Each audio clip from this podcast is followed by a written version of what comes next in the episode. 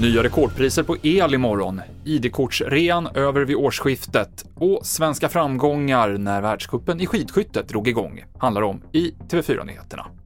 Men vi börjar med skjutningen i Gårdsten i Göteborg strax före midnatt, då en barnfamilj fick sitt hus beskjutet med flera skott. Fembarnspappan Sebastian är väldigt upprörd efter händelsen, som lyckligtvis inte ledde till att någon skadades. Först tänkte jag att det är om eh, barnen som har ramlat ner från eh, sängen. Och sen tänkte jag att det var ingen fara där. Och så går vi ner och så ska jag titta på om det var någon rör eller till eh, pumpen. Det gått sönder. Innan jag öppnade pumpen så såg jag en kula snurrande i golvet. Det är det jag såg. Och då förstod, Då, ringde, då förstod jag att det var en skottlossning här. Och då ringde jag polisen direkt då. Det är fruktansvärt. Vi är en barnfamilj alltså. Det är, det man ska inte bli utsatt för sånt här. Det är, sånt ska inte hända. Vad hade hänt om ni inte hade legat i era sängar? Ja, Då kunde vi ha kanske bli träffade av en skott.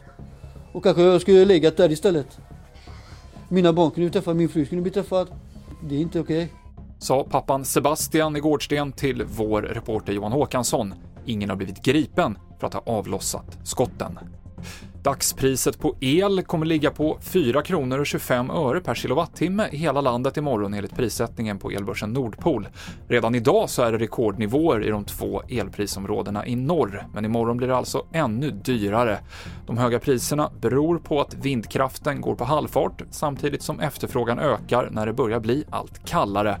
Utöver det så är det högre prisläge på andra håll i Europa. Och det blev svensk seger när världskuppen i skidskytte drog igång idag i Kontiolax i Finland. Martin Ponsiluoma vann och tog sin första världscupseger.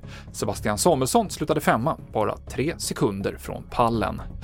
Och från och med årsskiftet så kommer ett nationellt ID-kort återigen att kosta 400 kronor, skriver polisen på sin hemsida. Nationellt ID-kort fungerar lika bra som pass när man reser inom EU och priset sänktes till 100 kronor för att fler skulle välja att skaffa det när det var väldigt långa väntetider på pass tidigare i år. TV4-nyheterna i studion Mikael Klintevall.